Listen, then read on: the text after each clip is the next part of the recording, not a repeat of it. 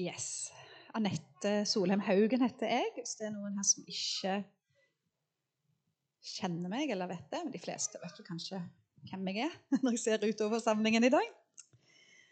Ja, jeg ble gitt utfordringen av Marianne om å introdusere oss for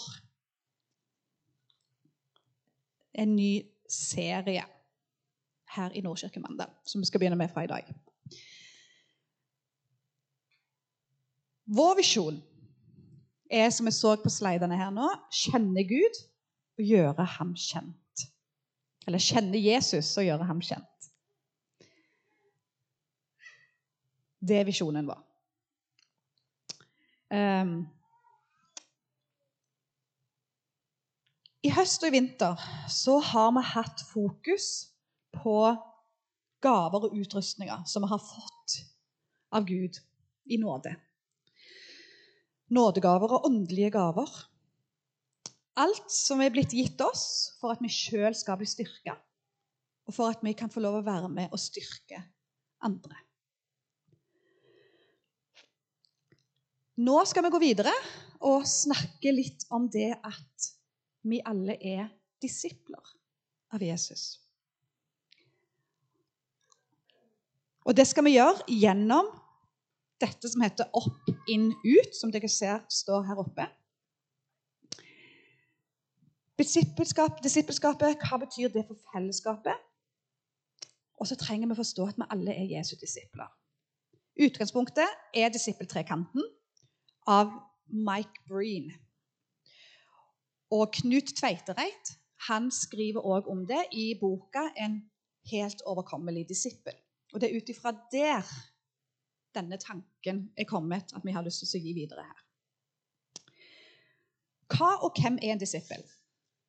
Hva er en disippel? Hvem er disipler? Er det noen her som har sett en serie som heter The Chosen? Det er en uh, serie, en uh, amerikansk serie egentlig, som du finner på Internett. Du kan se gratis. Anbefaler den virkelig. Eh, meg og Torfinn har sett en del av. Jeg har ikke sett den helt ferdig. Jeg vet Trond og Martha har jo vært sett hele. har de sagt.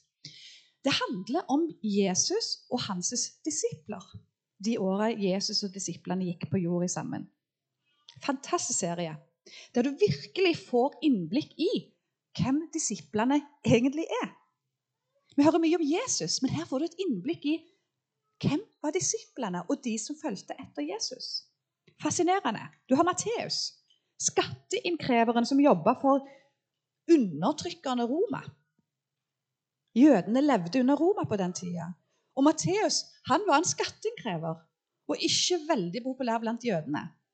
Og I denne serien så blir han framstilt som en litt sånn rigid eh, En veldig rigid mann som er veldig opptatt av lover og regler og i det hele tatt og er iherdig i jobben sin som skatteinnkrever. Og jødene selvfølgelig de unngikk han når han ble spytta på. og i det hele tatt. Så her, Der har du Matteus. Og han ble en Jesus-disippel. Så har du Peter, som vi nok hører mer om i eh, evangeliene. Han som av og til blir kanskje litt for ivrig og gjerne snakker før huet har blitt med, og sier derfor kanskje litt mange dumme ting. Um, men han er òg den disippelen som først bekjente at han trodde Jesus var Messias, frelseren. Han var òg den som sa at Gud, nei, Jesus, du skal ikke dø. Jeg vil gå i døden for deg. Og like etterpå så fornekter han at han kjente Jesus. Og Peter, som ble møtt igjen av Jesus, som sa til Peter Det er greit, du skal likevel. Du er tilgitt. Jeg møter deg igjen. Og som ble en apostel. Som jobba videre for Jesus etter Jesu oppstandelse. Så har du Tordensønnene, som de kaller CBDs-brødrene, Jakob Johannes. De fikk kallenavnet sitt fordi de var veldig ivrige og iherdige. Veldig pågående. Judas Iskariot, som forrådte Jesus for noen sølvpenger. Thomas, tvileren, som ikke kunne tro før han så bevisene. Maria Magdalena var blant de nærmeste til Jesus. En disippel. Og noen lærde mener at det var hun som ble redda fra å bli steina. Hun var prostituert. Hun var en skjøge før hun møtte Jesus. Maria som vaska Jesu føtter med tårene sine og med den dyreste salve, salve før Jesus ble korsfesta. Så når vi ser på den gjengen, så ser vi at disiplene var helt vanlige mennesker, akkurat som du og meg. Med feil og med mangler. Og med rigiditet og overmot og frykt. En disippel er et helt vanlig menneske, som du og meg. Det er en som ønsker å leve nær og lære av Jesus. Som ønsker å lære å være og tenke som Jesus. En lærling som vil gjøre, gjøre noe for han og vil lære av han. Disippellivet begynner kan, kan begynne før en blir frelst. Ingen av disiplene som var frelst når de begynte å følge Jesus. De var jo ikke det.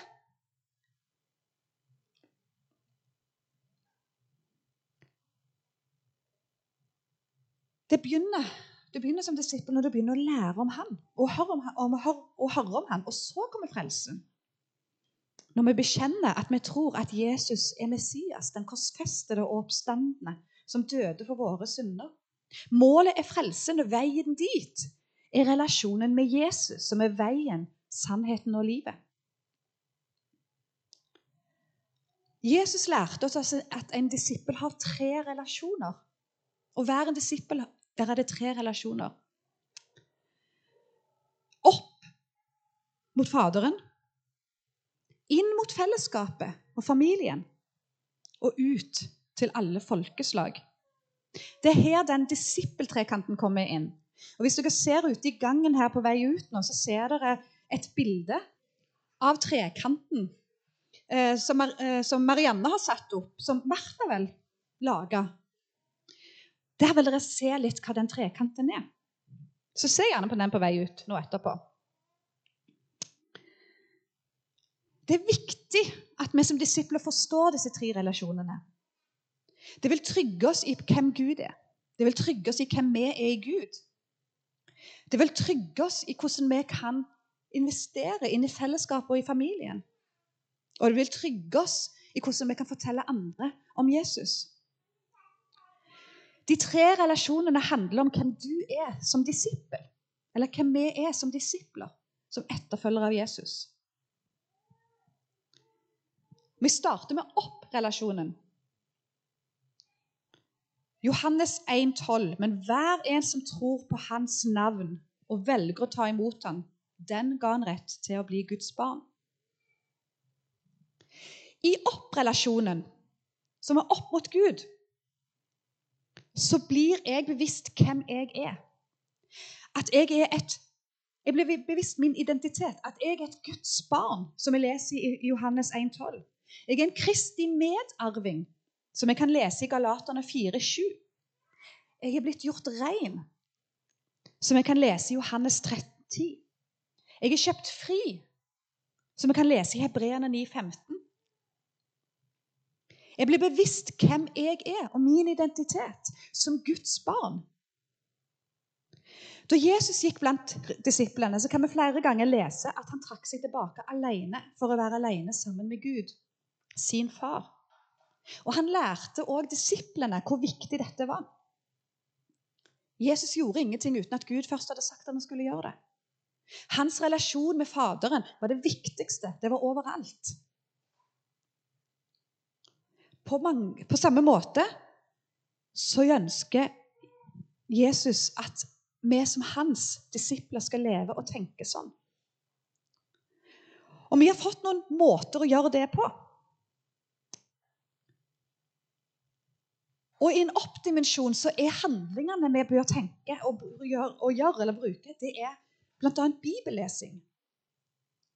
2. Timoteus 3, 15-17. Jeg kommer til å sitere en del bibelvers her og, og nevne en del bibelvers her. Um, prøv å henge med. 2. Timoteus 3, 15-17. Helt fra du var et lite barn, har du kjent de hellige skriftene. De som kan gi deg visdom til frelse ved troen på Kristus Jesus. Hver bok i Skriften er innblåst av Gud og nyttig til opplæring, tilrettevisning, veiledning og oppdragelse i rettferd så det mennesket som tilhører Gud, kan være fullt utrustet til all god gjerning. Bibellesing. Oppdimensjonen. For at den skal fungere, så må jeg kjenne Gud. Og jeg må kjenne og forstå, prøve å forstå hvem han er. Og det får jeg gjennom bibellesing. Gjennom Guds ord.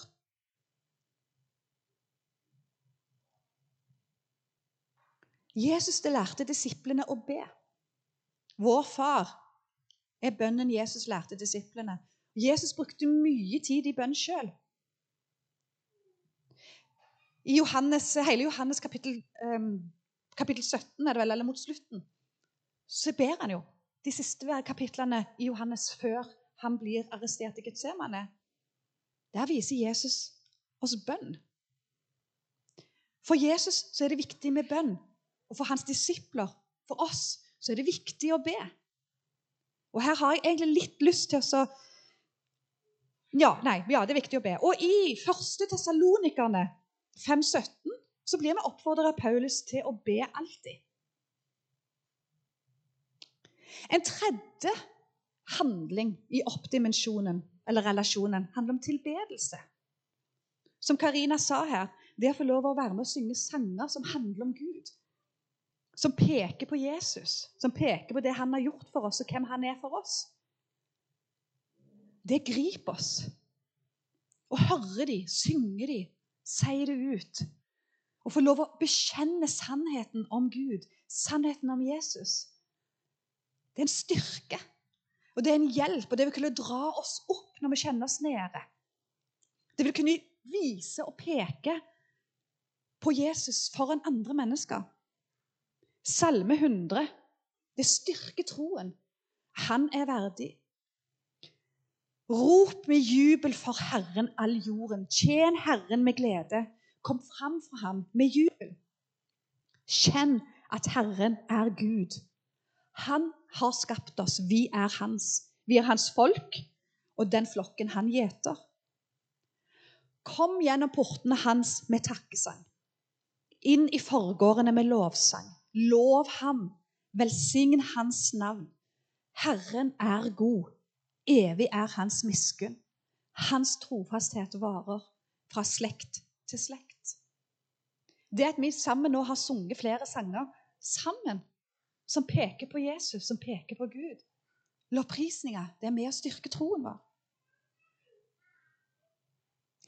Og For å bli etterfølger av Jesus så trenger vi å klare å gjenkjenne hans stemme. Vi må lære å lytte.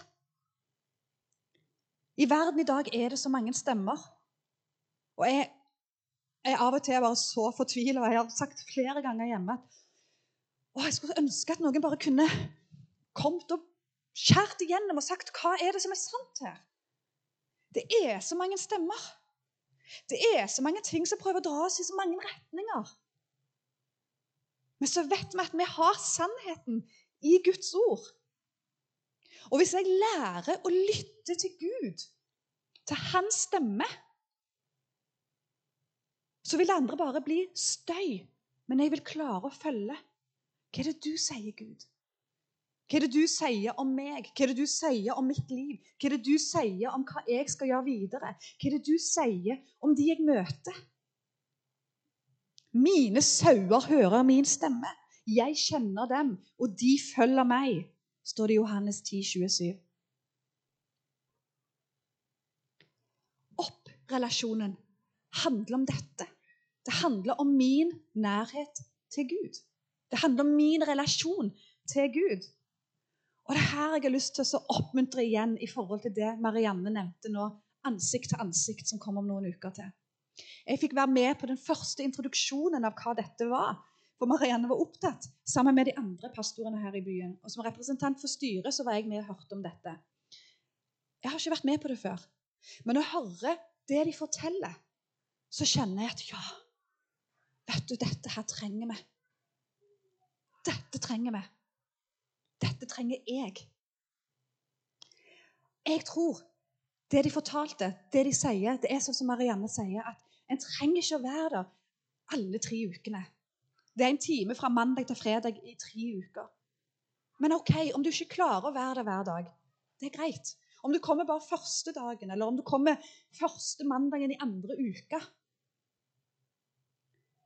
Men det er et sted der vi sammen, som troende og som disipler, kan få lov å sitte i stillhet sammen med Gud og la Han få lov å tale.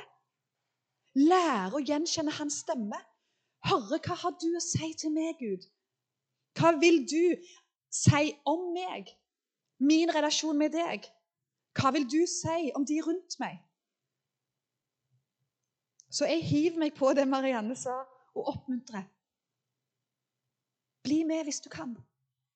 Eller prøv å sette av tid til det. Bygg på den opp-relasjonen. Bygg videre på den opp-relasjonen. La det se om det kan skape enda en ny glød og gi deg trygghet og frimodighet i den vi er i Gud, og i møte med resten av verden og menigheten. Opp-relasjonen handler om deg og Gud.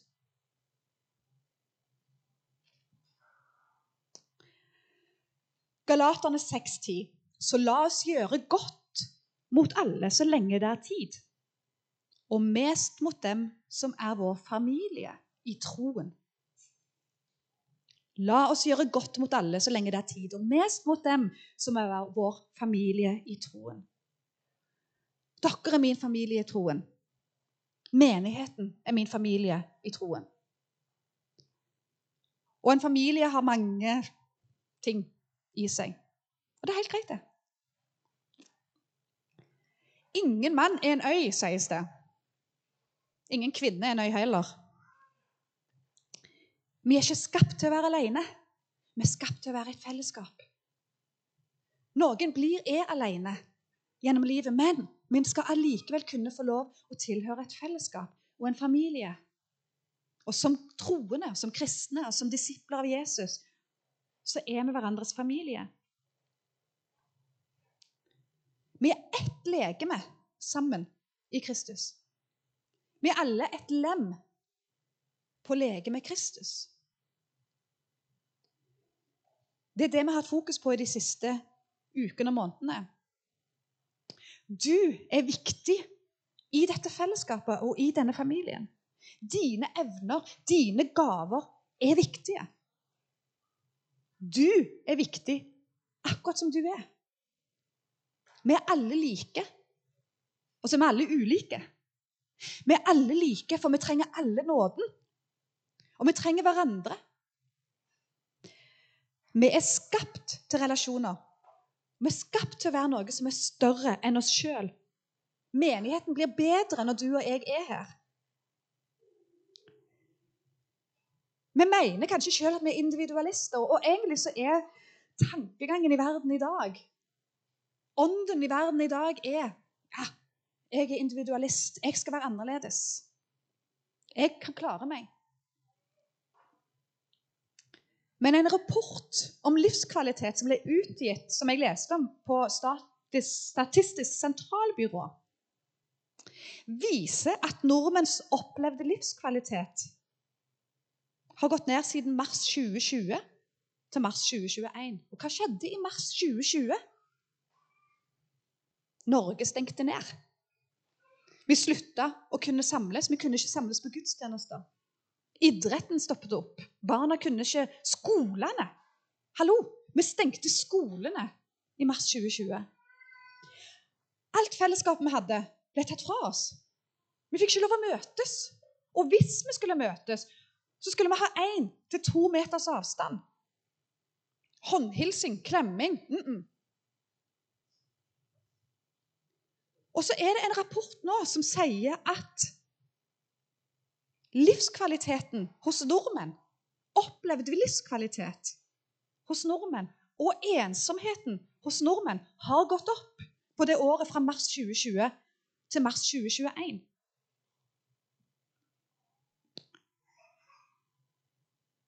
Jeg leser fra rapporten. I 2020 oppga 11% av befolkningen at de var mye plaget av ensomhet. Andelen økte til 15% i 2021. Altså 4 gikk han opp. Hele 68% av dem som svarer at de er mye plaget av ensomhet, oppgir også at de har lav tilfredshet med livet. 6 prosentpoeng flere enn i 2020. Det er tydelig at det å være mye plaget av ensomhet har negativ innvirkning på hvor fornøyd man er med livet. Igjen er det grunn til å tro at koronasituasjonen og tiltak for å begrense smittespredning kan være med på å forklare økningen. Og De som er spesielt rammet, virker som å være personer som bor alene, studenter og skoleelever, og personer som ikke er i arbeid. Men jeg tenker kanskje det er enda flere enn det. Det er mange av oss som kanskje har kjent litt ekstra på ensomhet. Kanskje ikke har det store familienettverket rundt seg eller det store nettverket rundt seg. Vi er skapt til fellesskap, vi er ikke skapt til å være alene. Og Det er fantastisk at vi kan få lov å møtes igjen uten å tenke for mye på den avstanden. Eller kan få lov å gi en klem. Eller bare det å håndhilse. Jeg var, med, jeg var på et møte her om dagen og vi håndhilste. Det var jo helt fantastisk. Det har jeg jo ikke gjort på to år. At det er lov. Det burde vært lov hele tida, men det, nå er det lov igjen. Og vi trenger det. Siste to årene har vi blitt fratatt viktige samlingspunkter. Og Det har gått hardt utover spesielt barn og unge, men òg voksne og eldre, oss alle sammen. Vi er skapt til å være i fellesskap. Innrelasjonen handler om det. Meg sammen med dere. Dere sammen med meg. Hebreerne 10,25. Og la oss ikke holde oss borte når menigheten vår samles, som noen har til vane. La oss heller oppmuntre hverandre, og det er så mye mer som dere ser at dagen nærmer seg. La oss oppmuntre hverandre til å komme sammen. La oss oppmuntre hverandre til å, komme, å være samla. Det står i Hebreerne 10,25. Vi trenger å samles og møtes.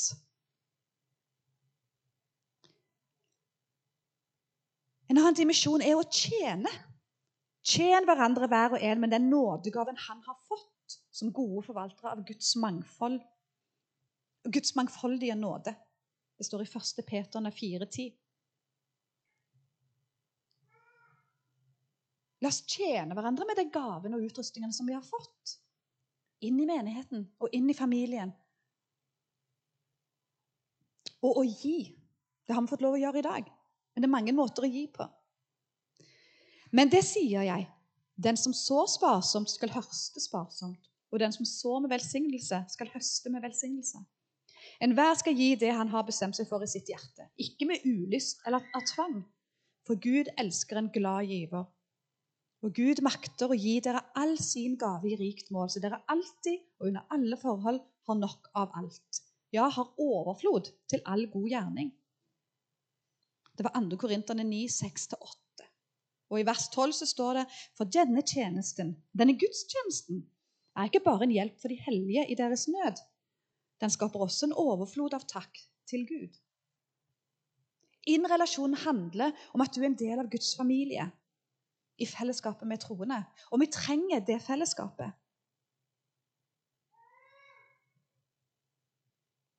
Så det var opp.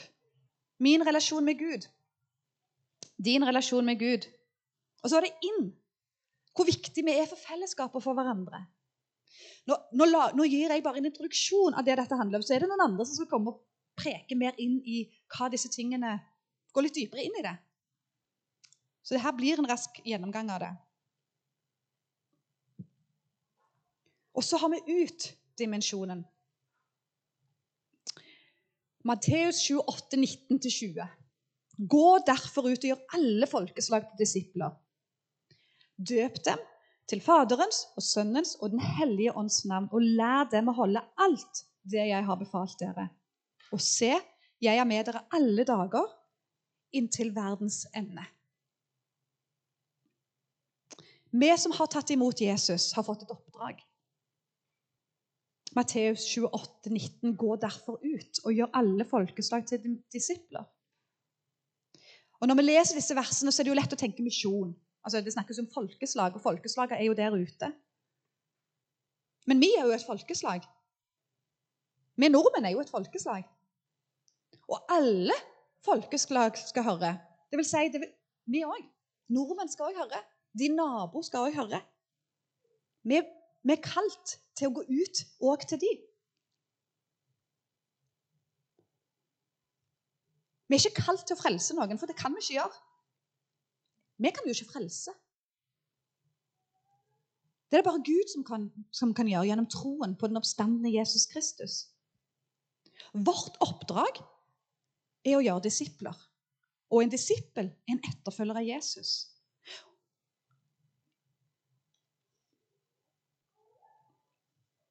Og en etterfølger av Jesus som blir kjent med Jesus, vil lede til frelsen. Dere er verdens lys. En by som ligger på et fjell, kan ikke skjules. Heller ikke tenner man en oljelampe og setter den under et kar. Nei, man setter den på en holder, så den lyser for alle i huset. Slik skal deres lys skinne for menneskene, så de kan se de gode gjerningene dere gjør, og prise deres Far i himmelen. Verden trenger Jesus. Og vi som kjenner Jesus, kan vise verden hvem han er. Som hans disipler. Verden lengter etter sannhet. Vi lengter etter å tro på noe som er større, og noe som er utenfor oss sjøl. Verden lengter etter det. Det kan vi se. Vi prøver å finne identiteten vår i så mange ting, men det er jo bare ett sted vi kan finne vår sanne identitet og det er i Gud. Men verden klarer ikke å se det uten at vi går ut og kan fortelle det. Og det er vårt oppdrag. Verden lengter etter å tro på noe som er større enn de sjøl. Vi lengter etter å vite at det er noen som har kontroll i denne verden som virker litt kaotisk. Verden trenger Jesus, veien, sannheten og livet. Og vårt oppdrag er å gå ut og fortelle at Jesus er veien, og at han er sannheten, og at han er livet. Der kommer ut-relasjonen i trekanten.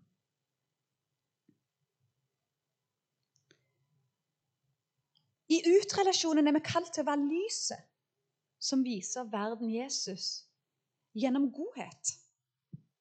Efeserne 2,10.: For vi er Hans verk skapte Kristus Jesus til gode gjerninger som Gud på forhånd har lagt ferdige for at vi skulle vandre i dem.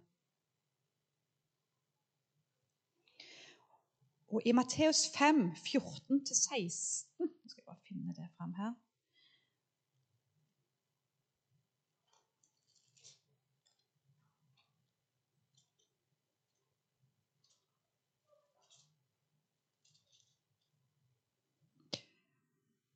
Matteus 5, 14-16. Der står det at dere er verdens lys, som jeg nettopp leste. En by som ligger på et fjell, kan ikke skjules. Og vers 16.: Slik skal dere la lyset deres skinne for menneskene, så de kan se de gode gjerningene dere gjør, og prise deres Far i himmelen. Så gjennom godhet så vil vi kunne vise verden hvem Jesus er. Så kan vi vise verden hvem Jesus er, ved å vitne. Apostelens gjerninger 1, 6-8. Mens de var sammen, spurte de ham, Herre, er tiden nå kommet da du vil gjenreise riket for Israel? Han svarte, det er gitt dere å kjenne tider og stunder som far har fastsatt av sin egen makt. Men dere skal få kraft når Den hellige ånd kommer over dere. Og dere skal være mine vitner i Jerusalem og hele Judea, i Samaria og helt til jordens ender. Vi skal få kraft gjennom Den hellige ånd til å være vitner for å kunne gå ut. Og så har vi jo til slutt at vi skal gjøre disipler. Vi skal gå ut og gjøre alle folkeslag til disipler, som det står i Matteus, og som vi leser i misjonsbefalingen. Nå nærmer jeg meg slutten her. Mennesker lengter etter sannhet. Og vi som menighet kan gi den sannheten videre. Og som disippel så kan vi få huske at vi har de tre hjørnene opp, inn i fellesskapet og ut til verden. Opp til Gud. I relasjon med Han så finner vi sannheten som vi kan få lov å gi videre inn til hverandre i menigheten. Sånn at vi kan alle få og styrke hverandre til å gå ut og fortelle om Han som er over alt og alle, og som holder verden i sin hånd. Og som lengter etter fellesskap med oss. Kanskje har du alle disse tre relasjonene veldig godt på plass. Eller kanskje det er et sted en trenger å jobbe litt mer. Forrige søndag hadde Kjell Vidar en um, undersøkelse. For de av dere som var her, husker kanskje det. En undersøkelse som han hadde i det kreative. Og eh, jeg ble litt satt ut av den undersøkelsen. For et av spørsmålene der det var Hvor mange timer brukte du på mobiltelefonen i går. Null til én time. Én til tre timer. Tre til fem timer. Heldigvis var han anonym. Jo, check. Haka for det. Så kom neste spørsmål. Hvor mange timer brukte du på bibellesing, bønn, andakt, tilbedelse, tid med Gud? hele siste uka. Null til én time. Én til tre timer. Tre til fem timer. Jeg vet ikke, for de som var der, hva dere svarte. Jeg vet hva jeg svarte. Og jeg kjente meg skyldig. uh -oh. Jeg bruker mer tid på mobilen min på én dag enn jeg klarer å bruke på Gud en hel uke. Og jeg tror ikke jeg er alene om akkurat det. Så kanskje det er der jeg må begynne, da. Opp relasjonen. Så det er kanskje noen av dere som er veldig gode på akkurat det. Vi trenger kanskje frimodigheten eller den lille oppfordringen til å, med å gi litt mer inn i fellesskapet. Inn til familien. Kanskje du er kjempegod på det. Kanskje du må hjelpe, eller få hjelp av noen som er veldig gode til å gå ut. Så vi har alle disse tre relasjonene i et disippels liv. Så da er spørsmålet hvor trenger du å sette inn litt ekstra fokus? I fellesskap med Gud og med hverandre kan vi gå sammen ut til de som ennå ikke tror. Vi ber. Himmelske Far, jeg vil takke deg for det du gir oss, Herre. Jeg har lyst til å takke deg for at du ønsker en relasjon med oss. Herre, jeg ber om at du skal komme og møte oss der vi er akkurat nå. Du kjenner oss bedre enn noen andre. Og Herre, du vet hva jeg trenger å høre akkurat i dag, og hva hver enkelt trenger å høre akkurat i dag. Himmelske Far, jeg har lyst til å be om at du skal hjelpe oss til å se hva du sier til oss.